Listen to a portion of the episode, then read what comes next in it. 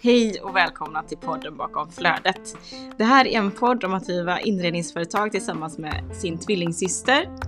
Och eh, ja, vi har ju ett sug på att lära oss mer om livet också. Så vi kommer att blanda personligt och eh, fråga omkring inredning. Och förhoppningsvis så kommer vi också kunna locka hit en hel del intressanta gäster och intervjua. Ja, jag tänker att vi bara, vi bara kör. Nu kör vi. Välkomna!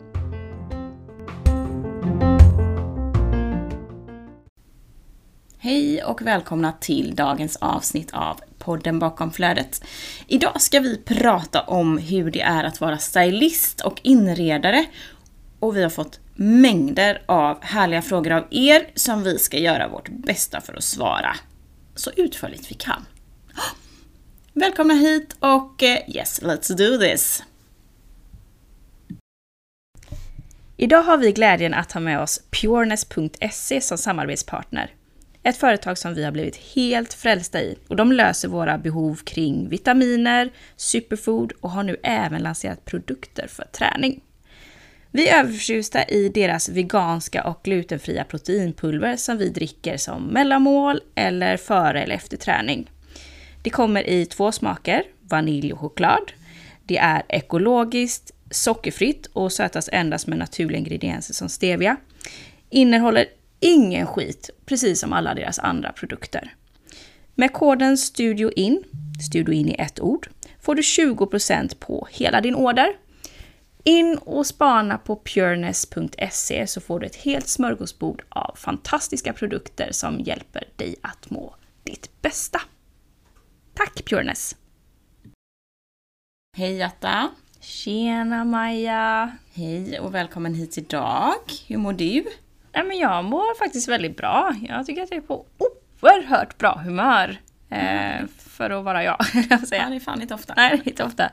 Hur är det med dig då? Jo, det är bra, det är bra, det är bra. Jag är laddad för helg. Det är fredag idag när vi spelar in och jag eh, ser fram emot att få lägga mig lite på sofflocket men också få ordning där hemma för att vi har superstökigt efter en eh, vecka i fjällen förra veckan. Det ligger liksom kvar ouppackat. Ja, den släpar. Jag har stängt in det i ett rum. Ja, det har liksom inte gått att hantera. Så att eh, jag ser fram emot att få lite ordning, få lite härlig tid på hemmaplan och ja, landa. Ja, vad gott. Mm. Är det någonting som har eh, varit så specifikt i veckan som du vill... Vi brukar ju checka in. Vad vill du ta med dig och vad vill du stumpa av dig Majsanda? Nej men jag vill ta med mig att vi har haft eh, himla massa spännande möten som har kommit in med väldigt kort varsel med många roliga uppdrag som kanske kan bli. Det tycker jag har varit superkul. Det känns som att säsongen verkligen har eh, brakat igång nu. Så det, det tar jag med mig som en positiv, härlig sak. Och om det är något jag skulle vilja lämna bakom mig? Ja, Ja, jag vet inte riktigt. Inte sådär jättehårt känner jag i alla fall. Jag är väldigt sugen på vår, så jag kanske lämnar vintern bakom mig här nu och nu då. Du lämnade den i, i Jämtland så att säga? Ja, jag lämnade den i Jämtland. Det var jättevackert och underbart att få en sån supervintrig upplevelse. Men nu vill jag bara ta på mig vårsneakers och eh, jeansjacka, känner jag. Underbart. Mm. Du då? Nej men jag, eh, jag håller faktiskt med dig. Jag var oerhört pepp i morse på ett möte som jag inte alls eh, visste skulle bli så eh, roligt och kändes så härligt. Så att jag vill också ta med mig eh, mötet av spännande människor och det känns som att det ligger så mycket och bubblar. Jag känner att det är så här ny tek teknologi och det är digitalisering och det är ja, men liksom lite nya tjänster och utbud som man vill utforska. Och det gillar jag, jag gillar nytt. Eh, lämna bakom mig, jag har ju suttit också med extremt mycket siffror denna veckan. Mitt huvud sprängs av ja, med bokslut och det är budgetar och grejer. Och det är ju jättebra att göra, det vet jag, men det tar också extremt mycket energi av mig så jag har inte varit på så jättebra humör i veckan. Och det har säkert märkts. Eh, men nu vill jag liksom fira att vi är igenom det. Eh, och eh, ja, men ska fokusera istället på att skapa nytt nu då. Men eh, siffrorna, nej, jag, jag får ta med mig dem, men jag vill också lämna det humöret bakom mig som de har gett mig faktiskt. Ja, det kräver ju en del att djupdyka sådär. Eh, det är både härligt men också lite motigt ibland såklart. Nej, också kanske när det finns mycket andra saker man behöver göra samtidigt. Men nu är det gjort som sagt så att det blir ju skönt att stänga den boken. Den ska stängas. Ja, och vi är redan halvvägs igenom vår nästa bok så att det är ju galet. Ja, vi springer på. Vi springer på. Men till dagens eh, avsnitt då. Yay! Ja! Det verkar som att alla är superpeppade på att prata mer om hur det är att jobba som stylist och inredare för vi har fått så galet mycket frågor skickade till oss. Ja, och det roliga tyckte jag var så att när vi hade en sån undersökning om vad ni helst ville att vi skulle prata om, då vann ju eh, det här, eh, ja men prata om trender överlägset. Mm. Men det har ju varit väldigt mycket mer engagemang kring den här frågan om att arbeta som inredare och vad som krävs och in, utbildningar och så vidare. Så det är ju jättespännande att det finns följare hos oss som verkligen är sugna på att utforska ämnet. Ja. Men tror du inte det här är lite så ett mytomspunnet eh, yrke som kanske många drömmer om? Jo, jag tror det. Det har mm. framförallt nu de senaste åren verkligen boomat. Det är ju galet så mycket olika vägar in i branschen det finns. Ja. Det fanns det inte när jag skulle utbilda mig. Nej, och efterfrågan tänker jag på tjänsterna har ju också exploderat. Folk är ju sugna. Är det inte lite som du vet eh, på 90-talet så alla ville bli frisörer och eh, makeupartister? Jo, eller hur? Ja, och sen så kom eh, liksom modestylisterna ja, på 20-talet. Så fräckt också. Älskade den, det tv-programmet Stylisterna. Ja, jag vet, det var så bra. Och också så många därifrån som faktiskt har blivit eh, riktigt stora modeskapare och eh, super, super duktiga stylister. Ja, jag tycker det är fantastiskt. Det, det är var, fantastiskt. Vad kul att se. Var det samtidigt också som man skulle bli top model? Ja, och ja, kanske top model kom säkert lite, lite tidigare där. Men så dockade detta på. Och sen så var det ju att bloggarna exploderade i samband med detta. Dagens outfit. Ja, underbart, man kunde bli sin egen stylist. Ja, och skapa verkligen utifrån sitt eget tycke och smak och eh, verkligen så uttrycka sig mm. Och det är ju säkert också som då eh, inom eh, liksom all social media att helt plötsligt så visar vi våra hem. Och vi, visar, vi kan vara kreativa och skapa oss en egen plattform och visa upp vad vi har för skills då, både inom mode och inredning och så vidare. Så det kanske också har triggat på en hel del eller vad ja, det är klart det har. Ja, ja, ja. Jag tror absolut att eh, Instagram kan ha en, en finger med i spelet. Ja. Så. Spännande! Influencerhem etc. Eh, men ska vi börja med att bara swoosha igenom hur vi hamnade här? Ja, det tycker jag. Maja, vill du börja eller? Ska ja, jag? nej men kör du först då, Atta. Ja, Atta tar, tar tag i det här. Nej men jag har ju aldrig haft en eh, tanke på att jag skulle jobba med inredning whatsoever. Jag eh, har alltid varit intresserad av estetik och gick i gymnasiet industriell design där jag var mycket mer fokuserad på liksom att kunna skapa produkter noter och det, jag tyckte det var underbart att så skissa för hand och ja, men utforska problem som eh, finns i samhället som man skulle kunna lösa med produkter. Alltså produktdesign, det tyckte jag var skitspännande, men också så foto och färg och form på andra sätt.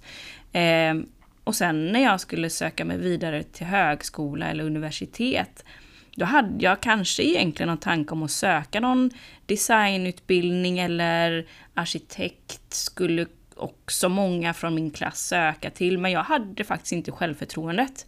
Och jag blev också mycket mer intresserad av mode under gymnasiet än vad jag hade varit tidigare.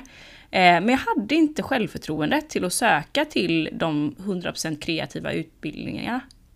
Utan eh, jag letade mig istället till en eh, ja, vad heter det? Jag menar, det är både och teoretisk och praktisk utbildning som textilekonom var, där det var mycket så här, man fick lära sig och hur färgning går till, man fick lära sig mönsterkonstruktion och hela den biten. Så det var mycket så här, att jobba med, med mode med händerna, men också eh, det väldigt bra ja, liksom, teoretiska kunskaperna inom ekonomi och marknadsföring, för det var det enda jag kunde tänka mig att fortsätta liksom plugga teoretiskt, det var marknadsföring, för det har jag alltid älskat.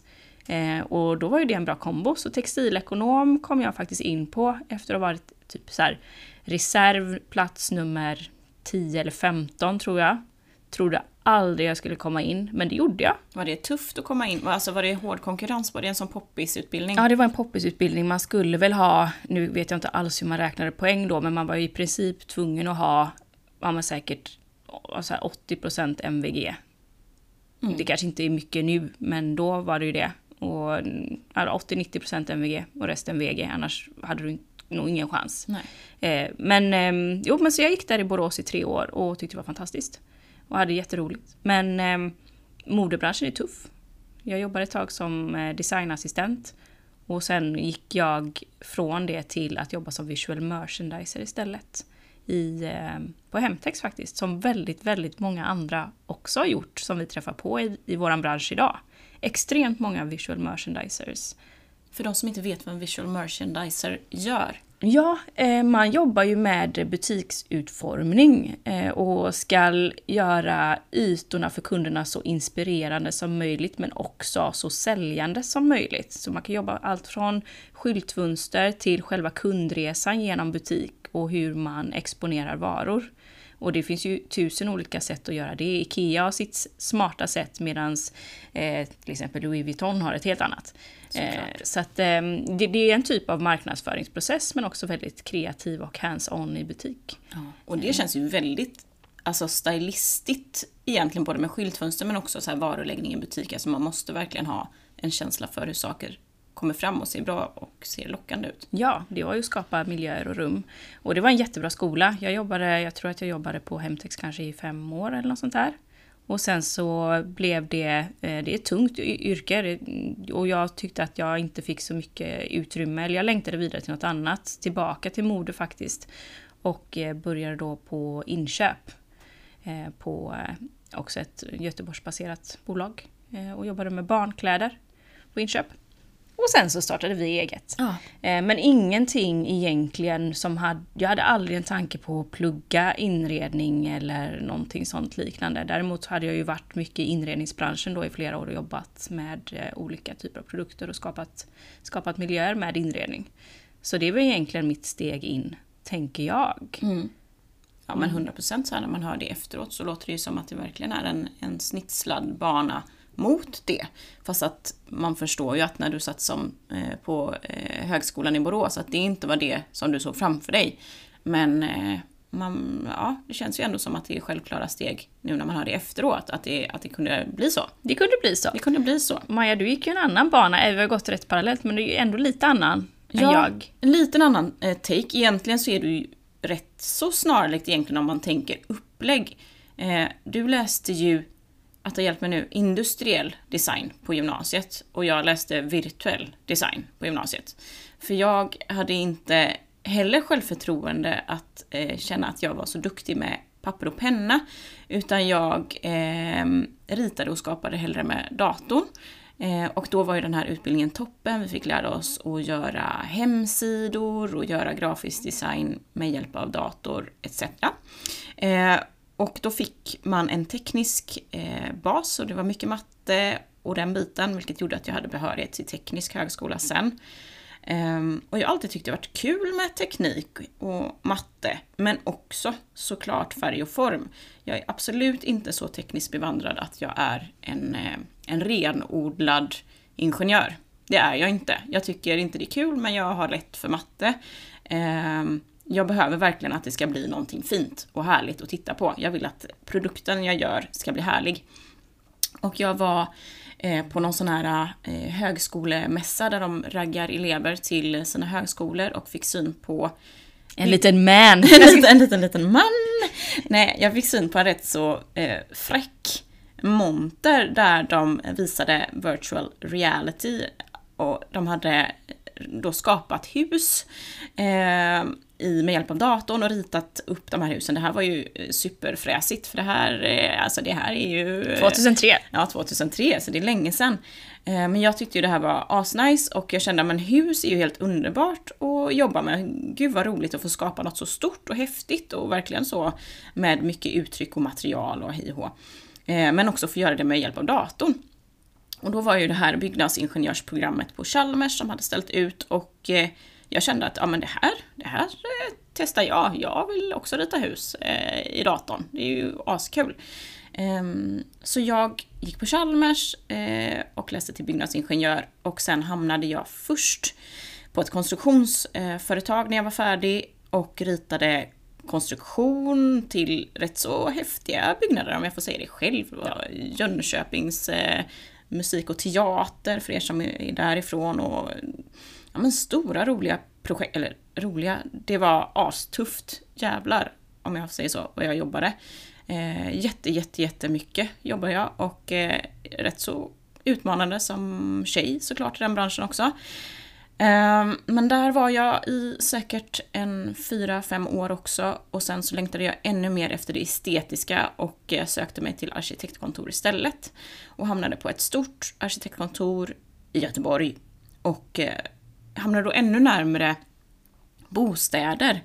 Jag ritade jättemycket bostäder och hotell bland annat. Och kände så här, men jag vill inte lämna det så här bara med vita blanka streck. Jag vill ju göra det härligt där inne i också. Nu lämnar vi ju bara tomma skal, men vem inreder sen då? Vem sätter färg på väggarna? Vem bestämmer vilket golv det ska vara? Jag tyckte sen, men det här, nej, jag vill göra det. Så då föddes en liten tanke om att jag skulle läsa till inredare. Eh, arkitekt var också på kartan, men jag kände att nej, men jag, jag vill nog göra något ännu mjukare liksom. Jag vill verkligen så här, göra det som man ser och tar på. Jag vill välja möbler och jag vill välja färger. Så jag eh, dockade på någon sån här eh, vad heter det, online kursutbildning som fanns då, vet inte om den finns än. Eh, och började eh, läsa vid sidan av eh, mitt jobb. Som jag också började bli väldigt trött på. Även där super, super eh, mycket jobb, hårt jobb. Långa, långa, långa dagar, jättemycket övertid och eh, väldigt mycket prestige. Eh, så jag längtade bort eh, och kände att det här är min väg eh, närmare någonting som jag tycker är kul. Så jag började läsa där, men läste absolut inte färdigt för jag kände att det inte var så kanske skarpt och um, jag kände att ja, men jag behöver inte sitta och rita med penna och papper och linjal. Fan och hans moster, jag ritar detta på datorn, ge mig 10 minuter så ritar jag upp det. Jag, är Jag färdig. kommer, jag kommer verkligen ihåg, jag vet, för jag tror att vi hade våra första barn. Ja. Vi var mammalediga, eller liksom i alla fall gick runt med små, våra små första döttrar. Mm. Små också. Eh, och du satt och du hade suddat på den här förbannade uppställningen. Och du bara, de säger att jag inte har ritat det här strecket med rätt tjocklek. Hur kan det spela någon roll? Jag orkar inte rita det här. Jag ritade på datorn och jag bara tänkte så här. Det här är inte för Maja Ring. Nej. Sitta där och också att du hatade då att du suddade ut ditt eget streck med, med handen. Jag är Så- vänsterhänt, alltså alla ni som är vänsterhänta vet att rita med eh, vad heter det? Blush. blyert. blyert är ett mardröm. Alltså det, blir in, alltså det blir bara suddigt, man släpar ju handen hela tiden i det man skriver och det man, alltså jag fick panik. Jag bara, ge mig datorn nu. Så jag sa upp mig från kursen. Det här är vansinne kände jag. Och de godkände inte mina moodboards för att jag hade text i moodboardset. Men det är klart, men också så här, varför skulle man inte kunna ha text? Jag hatar sådana regler. Jag vet. Jag bara, det här är det snyggaste moodboardet ni någonsin har sett och ni ser till mig att jag inte får använda text som uttryck för att förmedla en känsla. Dumheter, säger jag. För man behöver ju skit, skitsamma vad det står på texten, det kanske är typsnittet. Det Exakt. kanske är hur, på vilket material det är skrivet, ristat, printat. Ja. Är det sytt? I don't know, men Nej. det kommer ju förmedla en känsla. Och ibland kanske också ordet förmedlar känslan. Ja. Om jag hade hittat en asfräck liksom, eh, typsnitt där det stod funk, till exempel. Visst adderar det en stämning till moodboardet? Det tycker jag inte. Då tycker jag du skulle hittat en discosko istället för- och rivit ut ur tidningen. Nej, nej, Jag nej, blev nej. nej. tokig. Ehm, så nej, eh, jag gjorde klart halva utbildningen men kände att det här kommer inte ta mig någonstans. Jag gör det själv. Och då började vi två att ändå liksom så här snacka kring att göra något kreativt ihop. Ja, och på den vägen är det. En blogg blev någonting annat som blev någonting annat som blev det här. Ehm, så att ja, jag, jag tror att jag hakade lite på dig. Jag bara, ja, ja men det, inredning kan väl vara, vara roligt. Ja, det färg och form. kan ju vara spännande och då också att jag jobbade i en inredningsbutik då som visual merchandise gjorde väl också att jag, så här, ja, men jag hade mycket input och jag kände att det är roligt med inredning. Sen var jag inte så jätte liksom kanske insatt i branschen överhuvudtaget. Jag visste inte vad det var vi gav oss in på riktigt. Nej, men det visste vi ingen av oss tror jag. Och det var nog bra att vi inte visste det. Ja, det men det är alltid bra att vara lite naiv när man ska starta upp någonting, tänker jag. Man behöver vara det, man behöver hitta sin passion och man behöver bara så här hå- hålla fast vid den, för det kommer ju alltid finnas eh, motstånd. Ja.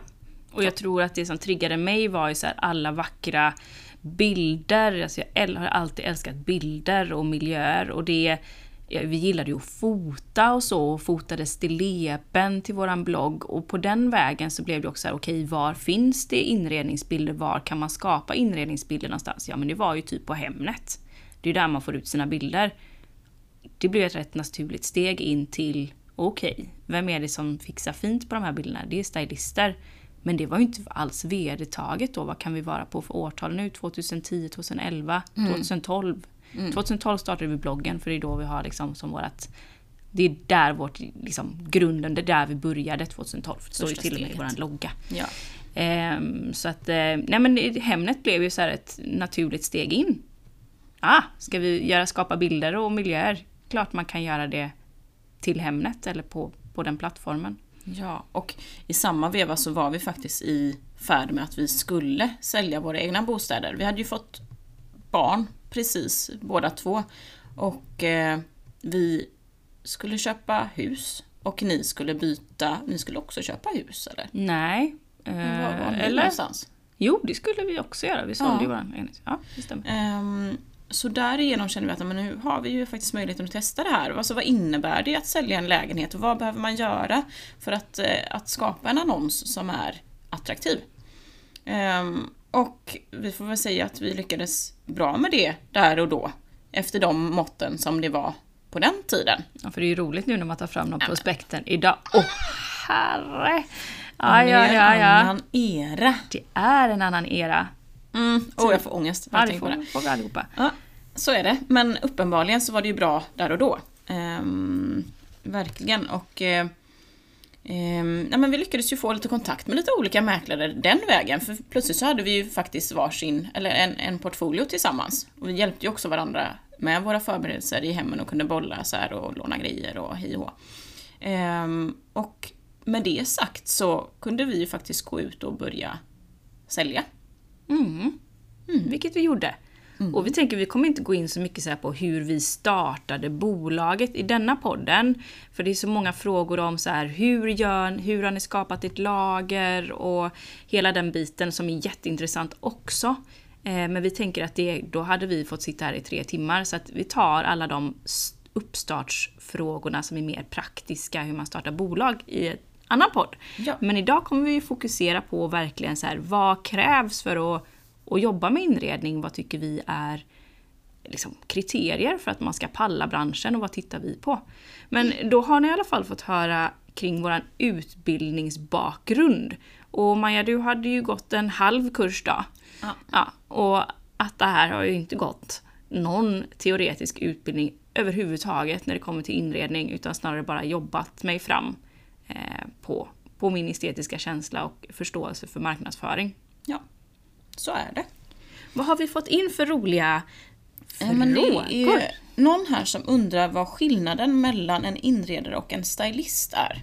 Relevant fråga. Ja, För vi går ju oftast ut när vi söker personal eh, så söker vi antingen inredare eller stylist. Och vi började ju själva som stylister vilket innebär att vi utgår ju inte från eh, vad ska man säga, det är inte en privatperson som sitter i hemmet och ska bo kvar där. Eh, utan man skapar ju egentligen en marknadsföring för objektet till nästa person som ska komma och bo. Så att det får ju inte vara för pers liksom personligt ut efter den som redan bor där, utan man ska ju skapa något som är attraktivt för många. Och också trolla med knäna kring att få den här bostaden till att bli någonting härligt att gå in i. Ehm, inredaren tittar ju mycket mer på behoven, funktionen hos den personen som bor i lägenheten. Där sätter man ju mycket sin eget tycke och smak många gånger lite åt sidan och vill få fram vad det är kunden mår bra av.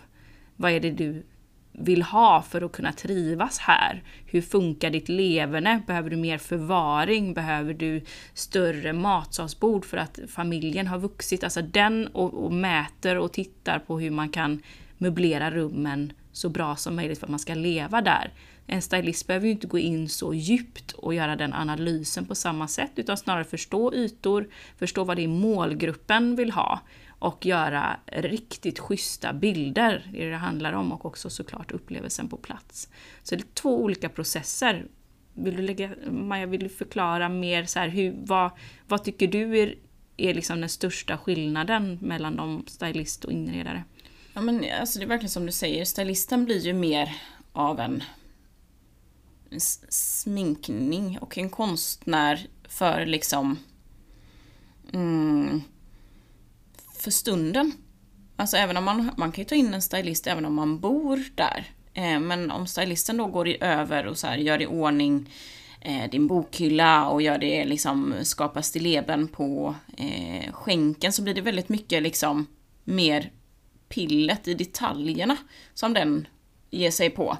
Medan inredaren behöver ju ta ofta större grepp och ge sig på fast inredning också som kök och, och badrum och hela den varianten. Det kan man ju såklart rådgiva som stylist också men primärt så känns det som att stylisten stylar medan inredaren inreder liksom. Ja, jag tycker också så att som inredare behöver du ha mycket mer förståelse för för hur färger påverkar i längden. Mått, mm. materialkunskap. Det är ju för mycket längre processer du, du liksom skapar ett hem. Ja. En stylisten, det kanske inte spelar superstor roll om du har en eh, liksom en linnegardin eller en bomullsvoal. Visst, det blir ett annat uttryck självklart. Men det kanske inte är så att du behöver fundera på det hundra varv för att ta beslutet när du ska in i den lägenheten. Nej, du kanske främst behöver en ljusgardin med lätt ljusgenomsläpp. Liksom. Exakt, exakt. Så att ja, det som vi brukar, eh, för det blir många som kommer till oss och säger att jag vill söka jobb som inredare eller stylist. Och man kan ju verkligen ha både fallenhet för båda mm, och också vilja utforska båda yrkena. Men det som vi brukar se som är den största skillnaden det är att de som drar mer mot inredning, de gillar längre processer, de vill hellre sitta ner och vända och vrida på saker under en längre tid. De gillar att skapa under en längre tid, kanske inte så fokuserade på slutresultat snabbt. Nej. För det är många gånger också man får lämna ifrån sig ett moodboard, möbleringsskiss, produktlista och sen så gör kunden lite vad den vill med det. Medan en stylist är ju så här, dag ett, titta på lägenheten, dag två, packa den, dag tre, utföra det och se slutresultat mycket snabbare processer, mycket mer liksom hands-on plock direkt. Mm. Det är ju ett snabbare yrke. Ja, verkligen snabbare yrke. Och eh, det är verkligen, finns ju verkligen charm i dem båda, för inredaren får ju verkligen skapa någonting som någon ska vara kvar i och bo och leva i, medan inredaren får skapa de här härliga bilderna kanske, eller liksom det snabba resultatet som får något som ser riktigt trött ut till att se riktigt härligt ut på bara några dagar liksom. Så att det är verkligen två olika skrån och man kan säkerligen ha fallenhet för båda men man kan också ha eh, egenskaper som gör att man är mer lämpad åt det ena eller det andra. Ja, vi har haft flera personer som har in, trott att de vill bli inredare. Mm. Men testar stylistyrket och säger bara nej men gud inredningsyrket det var inte för mig. Jag, jag gillar det här snabba och jag vill se slutresultatet. Mm. Och sen så har vi haft eh, medarbetare som har trott att ja, jag ska bli stylist och inser att nej men jag, jag tycker inte att det är, jag kommer inte till min rätt om inte jag får sitta ner i liksom sju timmar och skapa ett eh, moodboard och eh, en möbleringsskiss för att sen gå ut och styla, vilket inte håller i denna branschen. Utan där måste du vara mycket mer snabb och veta vad du ska göra i princip direkt. Mm. Eh, för att det ska vara lönsamt. Mm. Så att det finns både och. Jag själv eh, älskar stylistyrket. Eh, jag tycker det är svinroligt för att jag älskar att se resultat fort. Men jag mår också väldigt bra att få grotta ner mig. Men jag inser ju att jag, jag kan tröttna när processerna blir för långa. Jag, jag, behöver liksom förändring och jag gillar att starta upp. Så därför är stylistyrket har varit väldigt bra för mig. Eh, och nu jag jobbar jag inte så mycket som stylist men jag kan se min, min styrka i, i början på projekt. Eh, sen så kan jag liksom, sen behöver jag, krävs det mer energi för mig att hålla på länge med dem. Eh, om man ska sitta och göra samma saker om och om igen. Mm. Vad gillar du Maja? Ja, men jag gillar också både, jag får kickar av att eh, göra eh, och skapa fina liksom, foton och eh, se resultat snabbt. Samtidigt så är det, det kanske har med min yrkesbakgrund att göra att jag tycker att det är tillfredsställande att sitta och rita och planera eh, och också se det byggas upp. Eh, sen så beror det såklart väldigt mycket på vilket projekt man har för ibland så kan man ju bli väldigt frustrerad över att man, in, att man har gjort till exempel en bra möbleringsskiss och verkligen så känner att men det, här, det här är bra. Men där kunden inte köper in på det eller liksom inte ser det geniala i det, att man ändå inte hamnar där eh, som inredare. Det kan ju vara oerhört frustrerande. Eller att man är tvungen att lämna ifrån sig någonting och man inte riktigt vet hur, hur, vad som, vart det tar vägen sen. Eh, det är den frustrerande biten eh, som inredare tycker jag. Eh, men samtidigt så älskar jag ju att eh, rita upp, alltså så här, jag, jag gillar att rita kök, jag gillar att rita planera för fast inredning också och välja material som ska ligga länge och så att ja, men jag är kluven, jag gillar ju verkligen båda men det finns, ja, finns en frustration ibland i inredarledet där man inte får gå hela vägen eller att det inte finns budget eller att det inte finns liksom så. Så att, eh, mm, ja men jag gillar båda. Jag tror att vi har löst det rätt så bra. Vi har jobbat som stylister i väldigt många år och nu jobbar ju både eh, vi båda mycket mer med långa processer och företagskunder och det är kontor som ritas och det är kanske också i större privata hem som ritas. Eh, men vi kan fortfarande peta in våra andra uppdrag som är snabbare, där vi gör stylingar för reklamkampanjer och sånt. Så att vi får lite av båda världarna och då, det räcker för mig. Mm. Då, då kan jag jobba med de långa processerna om jag får de här korta, goa liksom, bitarna emellan där man faktiskt också får skapa bildmaterial som fortfarande är det jag älskar allra mest. Ja, för det kan ju också vara utmattande om man har ett högt tempo i de olika stylistuppdragen där du hela tiden måste vara snabb och kreativ på väldigt kort liksom väldigt kort tid och väldigt intensiva, ofta produktionerna är ju jätteintensiva.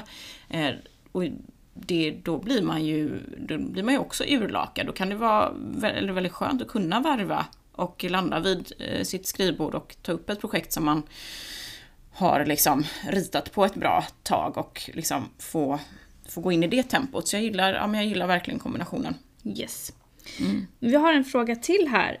Um, om utbildningar. Vi vågar ju faktiskt inte uttala oss så mycket om vilken utbildning som är bäst och det beror säkert också på, helt på hur man är lagd. Mm. Men det som vi tycker att man ska fokusera på när man väljer en utbildning, det tycker jag att du, du bör ha, om du nu söker som inredare eller stylist då, du bör ha, se till att du får praktik med.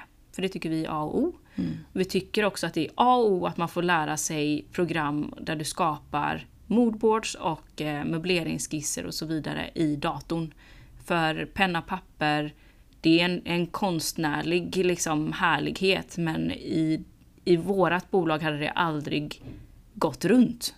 Du måste vara liksom mycket mer flexibel och snabbfotad än att sitta och rita med tusch och, och blyerts eh, och visa kunderna det för att sen liksom göra om eller sudda eller vad man nu gör.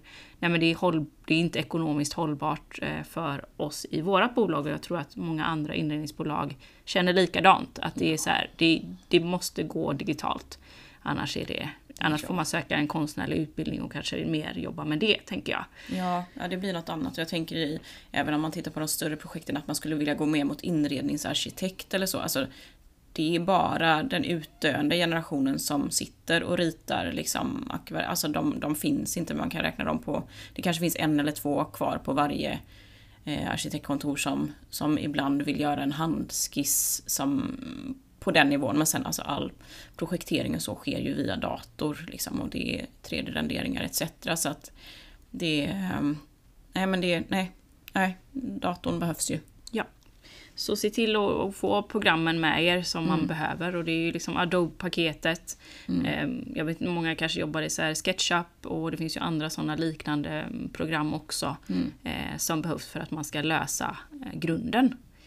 Ehm, så ehm, Ja, vi kan ju inte säga så mycket mer som vi inte Nej. utbildar oss själva. Nej, men det finns ju väldigt många privata aktörer där man köper utbildningen. eh, Ja. Lite så som jag provade att göra. Sen så finns det olika folkuniversitet där man kan söka olika designutbildningar. Med liksom rumsgestaltning som fokus kanske. Eh, Jag vet att det finns någon populär ehm, utbildning i Florens som också har både mode och eh, inrednings arkitektur tror jag de har. Eh, Så att, ja men folkhögskolor, privata aktörer, men ja, det finns ju en hel del universitetsutbildningar också. Kanske inte som är renodlade inredare, men rumsgestaltning Ja. tror jag de kallar Och det. man kan ju alltid prova att ta typ en helgkurs först om man inte vill liksom lägga ut massor av pengar på någonting som man inte riktigt vet. Nej. Prova att ta en så här två dagars Folkuniversitetets kurs eh, där man kanske lär sig göra någon, planera ett rum till exempel. Och så får man se hur det känns och så får man prova sig vidare. Exakt.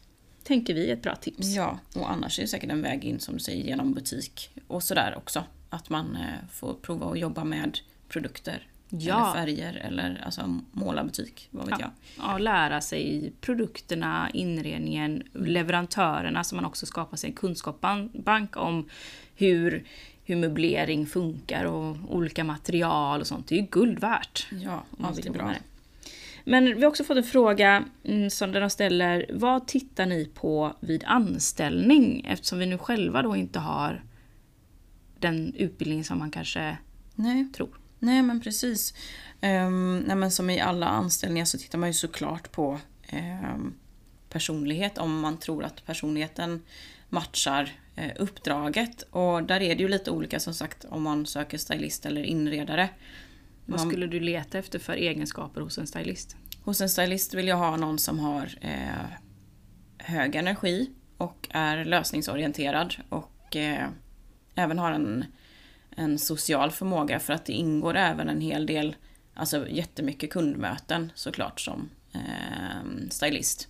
Eh, du behöver kunna hantera både mäklare och privatpersoner och fotografer och ja, Samtidigt som man då behöver också, som man kanske förstår, förstår här när jag rabblar alla man behöver ha kontakt med, så behöver man ha ett visst ordningssinne såklart. Jag skulle säga en hög grad organisationsförmåga. Eh, för att det är extremt många bollar i luften som stylist, så som vi jobbar på Studio In. Eh, där man har allt från säljet eh, till att du också liksom ska rodda eventuella, eventuella målare och du ska rodda planering av bostaden och du ska åka med nycklar och så är det andra möten under tiden. Du måste ha extremt förmåga att planera din tid Ja. Och vara, du får inte vilja suga på karamellen för länge. Utan Nej. man behöver ta beslut och lösa, som du säger. Ja, ja, man behöver vilja komma framåt och inte vara rädd för att, att lösa biffen liksom. Ehm, det är ju ett stort krav. Och också alltså, man behöver eh, kännas liksom energi, alltså energirik för det är mycket konka, det är liksom släpa grejer och upp på stegar och alltså man behöver ha utstråla en viss energi där. Ja, och jag tror att man behöver älska det. Ja, ja det är verkligen så här.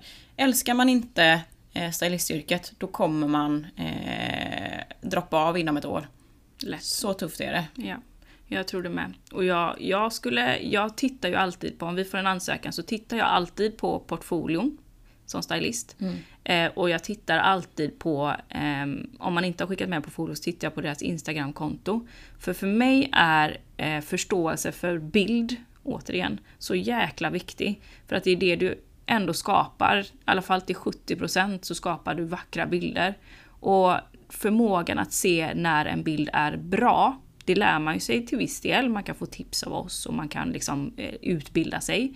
Men har man den grundförmågan att se när saker är skeva, när det inte är balans i en bild, eller när det är det, där har du ett extremt försprång.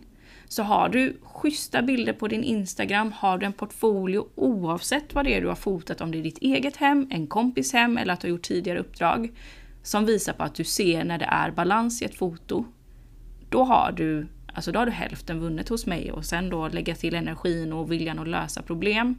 Ja, men då har du kommit extremt långt. Då är Ja. det nästan hej och välkommen om du också säger att du gillar att sälja. Ja, och jag tänker att den förmågan eh, är kanske oftast där man faller för man kan ju snabbt se när det finns potential och när man känner att här är det en rätt så lång väg att vandra.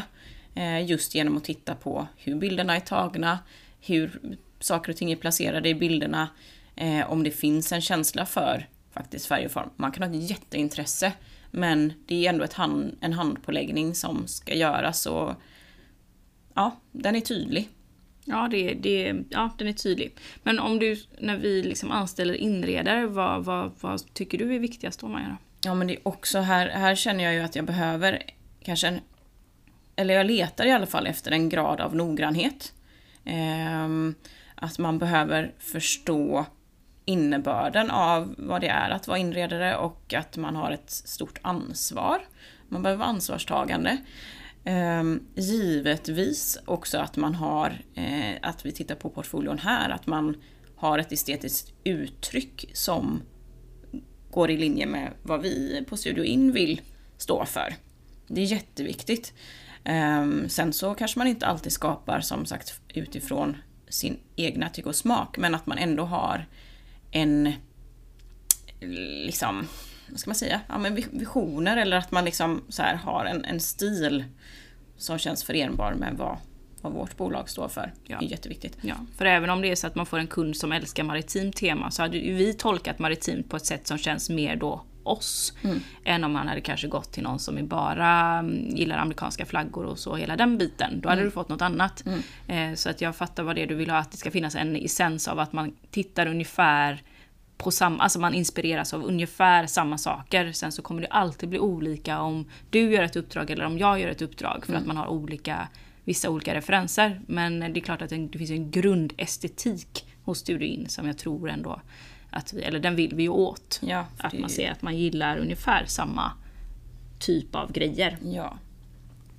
Men annars som en inredare, har du någonting där? Eh, också social kompetens, man behöver mm. ju nästan vara på terapeutnivå ibland när man kommer ja. hem till folk och lyssna, förstå alltså vikten av att lyssna in kunden. Kunna kundbemötande och service är jätteviktigt för att du är inne och roddar i någons allra heligaste, mm. deras hem. Och man får vara riktigt, ha en bra taktkänsla med människor. Mm. Eh, och känna som du sa, liksom noggrann och, och ja, men så här, ordning på torpet. För mm. att det är ett stort förtroende som folk lämnar över till oss eh, när mm. de eh, ber oss om hjälp. Ja, och ofta ska man också rodda både hantverkare och, och ditt och datt. Liksom, så att eh, ja, man behöver ju vara lite spindel i nätet även mm. där. Gilla att dubbelkolla. Har ja. jag rätt mått på rummet? För nu har jag beställt eh, liksom en, en stenskiva här för x antal 10 000. Stämmer måttet? Man mm. ska vilja dubbelkolla. Ja. Man, det, det, där fipplar man ju inte. Nej. Liksom. Det så. blir jättejobbigt. Det blir jättejobbigt. Um, men vi har också fått en fråga så här, hur gör man sig anställningsbar? Alltså hur får, hur får man in en fot mm. på företagen? Ja, alltså det, det är säkert hög konkurrens där ute nu, för nu exploderar ju som sagt de här utbildningarna och man kan, liksom, det är väldigt många som utbildar sig till certifierad inredare eller homestaging stylist, tror jag det heter. Uh, och eh, det jag ser saknas hos många, det är ju praktisk erfarenhet, att man verkligen har lyckats norpa åt sig praktik och verkligen har jobbat med händerna och skapat. Där känner jag att har man gjort det och på så sätt samlat på sig eh, praktisk erfarenhet så har man ju vunnit mycket. Ja, jag säger också att det är ofta som den liksom utslagningsfrågan på något sätt. Så här, mm. har, du, har du testat på riktigt? Mm. Vet du hur det går till och har du en portfolio? Ja. som kan liksom stödja det. Mm. Och där får man ju vara kreativ. Liksom. Mm. Det, jag fattar att det kan vara klurigt att få praktik, men man får ju inte ge sig på den bollen. Och jag kan ju se det som ett, ett, så här, ett ja, men en bra renommé om man har lyckats ta sig in eller om man inte har lyckats ta sig in, att man faktiskt har skapat sig andra möjligheter. För så gjorde vi i början. Vi hade ingenstans att liksom komma in. Nu råkade vi ha varsin bostad som vi kan styla. Men har man inte en egen bostad, låna din kompis bostad. Dina föräldrars. Dina föräldrars eller, mm. eller gör ett hörn någonstans. Alltså man får, man får, för det kan jag ibland sakna när man får ett, ett, en ansökan och så ber jag dem komplettera med portfolio och säger men jag har ingen. Nej men, nej men hur kan du då tro att jag då kan du inte tro att du har en jättebra chans. Där måste man vara, alltså visar man på att man där kan lösa ett problem, redan där har du ett problem som behöver lösas för att vara anställningsbar. Löser man det, jag struntar i hur. Kommer du tillbaks med bilder som är stylade, som du själv har lyckats göra, jag kommer ju aldrig fråga vem var det hos? Hur gjorde du det? Utan Skulle jag lägenheten verkligen säljas? skiter i det. Absolut inte viktig information för mig. Jag vill se vad det är du kan skapa med dina händer och din kamera. Ja. Eh, Så att eh, vi, för där visar man också på om man är ansvarstagande, är du kreativ, löser du uppgift? Det är inte bra att säga till en som du söker jobb hos att ja, jag har inte det. Eller hur gör man? Eller hur gör jag det? Ja, det där vill jag se att din hjärna faktiskt är, alltså att den vill det så pass mycket, att du vill det här så pass mycket att du faktiskt löser uppgiften. Ja, för annars så det där kommer vara lägsta tröskeln, tänker jag. Ja, det är inte det största problemet. Nej. Ehm, och ja men anställnings... Ja men också vara... Ja, man behöver vara flexibel, tror jag. Och eh, visa att man även kan eh, rodda in sina egna uppdrag. Ehm, för nu är det, jag vet att det är flera firmor som liksom vi att, att man är välkommen som stylist om du får med dig jobb. Liksom. Ja. Ehm, ibland så har vi såklart ett överflöd av jobb och behöver anställa någon som inte har kontakter.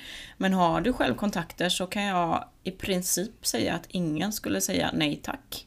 Om du redan har jobbat upp eh, mäklarkontakter som är intresserade av att jobba med dig. Eller har på något annat sätt liksom med dig uppdragen. Ja, det är ju en guld, det är ju guldläge, verkligen. Ja, har man lyckats, lyckats knapra ihop det, då är det också sådär, ja men då har du också löst en jättestor puckel. Ja. Som för många är den avgörande. Ja. Att, eh, att kunna anställa, men det är för att man ska veta att du kan vara belagd och att du kan liksom generera pengar till din egen lön. Ja. Och då eh, är ju det fantastiskt. Gud, det är lunch, hörde ni min mage kurra precis? Ja, det är lunch. Ehm, nej men jag tänker att ehm, också det är väl därför det finns så många frilansare i branschen. Att har man väl börjat lyckas få in lite uppdrag och så, så kanske man tuffar på på något sätt. Ehm, det är ju det är en, en hyfsat ny bransch. Så det är ju inte jättemånga bolag som har stora möjligheter att anställa x antal personer varje år. Utan det finns ju mycket som friflygare, som vi kallar dem, som kör sitt race på en eller två personer. Har lyckats liksom rulla på på det. Eh, och gör det på sitt sätt och testa branschen. Liksom. Eh, sen så är vi ett gäng bolag som växer och det är ju skitkul. Och jag tror att det, det kommer fortsätta växa på olika sätt, kanske med nya tjänster och sådär. Men eh, att det, finns, det är ändå en växande bransch. Det är det är absolut. och Den, eh, den är ju inte färdig som sagt, det bakas ju om hela tiden. Ja. Ehm, och där nämnde du ju att det är många som är egenföretagare, att man är en eller två liksom. Och det var ju vi också ett bra tag. Och det finns ju fördelar med det med. Ja, det är jättespännande. Man får ju chansen att vara väldigt flexibel och testa väldigt mycket olika saker och också förstå sig på yrket och lära sig branschen på ett sätt som är ovärderligt. Eh, och det kan också vara enklare att få eh, testa på och gå in i ett bolag som konsult. Det gjorde ju vi med våra första medarbetare, att de var konsulter. Så det är, vågar man liksom ta det steget och testa på det så tycker jag också att det visar på en grad av så att jag, jag kommer ta ansvar. Eh, jag är villig att hitta egna kunder för jag har startat eget bolag. Och att man är liksom, ja men man, man har förstått att det, det, det är ett jobb, inte en hobby. Nej, det är ju en väldigt stor skillnad och där får man ju också mångt och mycket ha, där har vi jobbat jättemycket för att, att utbilda våra kunder i att ja, men, självklart kommer vi behöva ta betalt för arbetet vi utför. För det, visst, det är- skitkul att jobba med inredning men det är likväl ett arbete som man ska försörja sig på. Ehm, så att ja, våga ta betalt ni som är egna. Eh, ni måste se till att kunna skaffa er en lön. Liksom. Men nu halkar vi in på företagsbiten. Så att, Oops, whoopsie, vi whoopsie. spar de bitarna. Ehm, vi har faktiskt fått en fråga, eller är vi liksom färdiga med inredare och stylist och vad det innebär och... Ja, jag, tr- jag tror verkligen att vi har Ja. gått igenom allt. Jag hoppas verkligen att ni känner att ni har fått lite kött på benen kring det. Vi har ju gått igenom både utbildning och vår bakgrund. Ja. Att det är viktigt att skaffa sig en portfolio och vara kreativ Ja. och gilla människor. Ja, ja, socialt, alltså man får vinna över det också. Det kan vara jättenervöst att gå ut till kunder. Men eh, vill man så kan man, tänker jag. Eh, Men det finns ju lite ändå, jag tänkte att nu har vi mest pratat om homestyling stylister men det finns ju även andra inredningsstylister eh, som så, sådana uppdrag som vi också gör ibland. Har du något exempel på vad man gör om man inte är homestyling stylist men ändå inredningsstylist? Vad hade det kunnat Ja, men det är ju verkligen att styla mer, alltså produktstyling eller skapa mm, miljöer för reklamfoto och hela den biten. Man kan ju också jobba, som vi har en medarbetare som har jobbat inom TV och film med att skapa scenografi. Eh, Det är också en typ av stylist skulle jag vilja säga. Eh, Så att det finns ju hur mycket som helst att göra eh, eftersom bilder är en, ja men så här, det är ju, det är ju som guld idag i dagens eh, marknad. Så att eh, mm, reklam, Mm. jobba mot eh, reklambyråer. Det är ju superbra. Jajamän. Och inredare finns ju också på väldigt många olika ställen. Alltså det är ju inte heller bara inredningsföretagen utan man kan ju faktiskt vara anställd till exempel på ett stort, eh, ja men IKEA har ju Ja. inredare.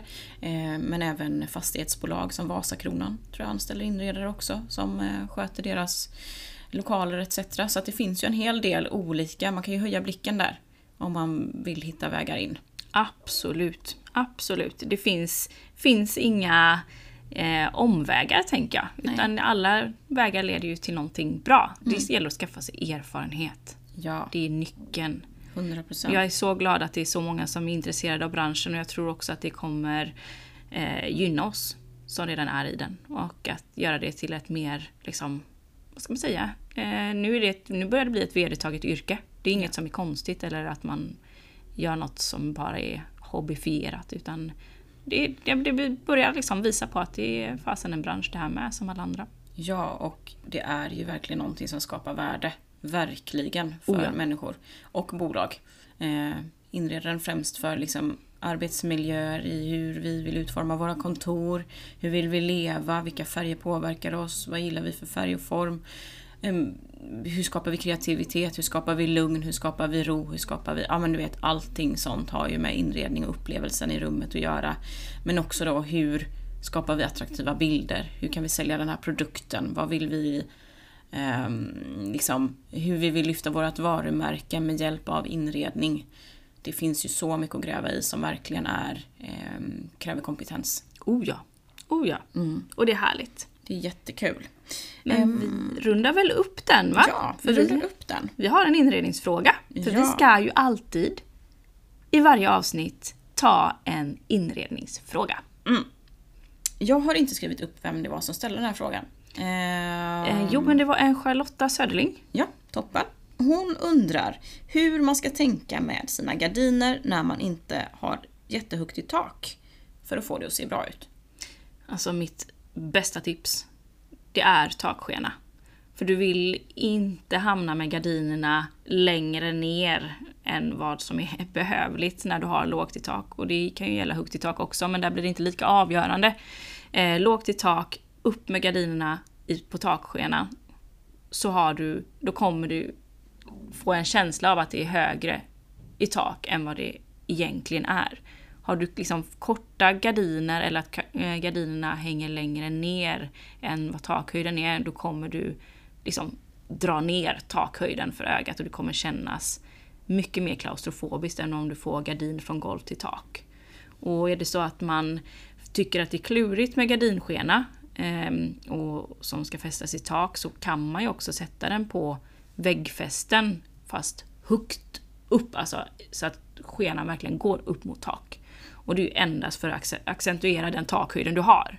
Ehm, och det är ju ofta så här 60-70-tals eh, arkitektur som är väldigt låg, alltså den är boxig i eh, proportionerna. Avlånga fönster, lägre i tak för att man ville liksom rationalisera ytorna. Du fick in typ ett våningsplan till i ett hus eh, på grund av att du drog ner takhöjden. Du sparade också energi och värme så att det är ju bra, bra grejer på ett sätt men eh, det är klart att för det estetiska uttrycket så är det lite klurigare att få det att kännas rymligt.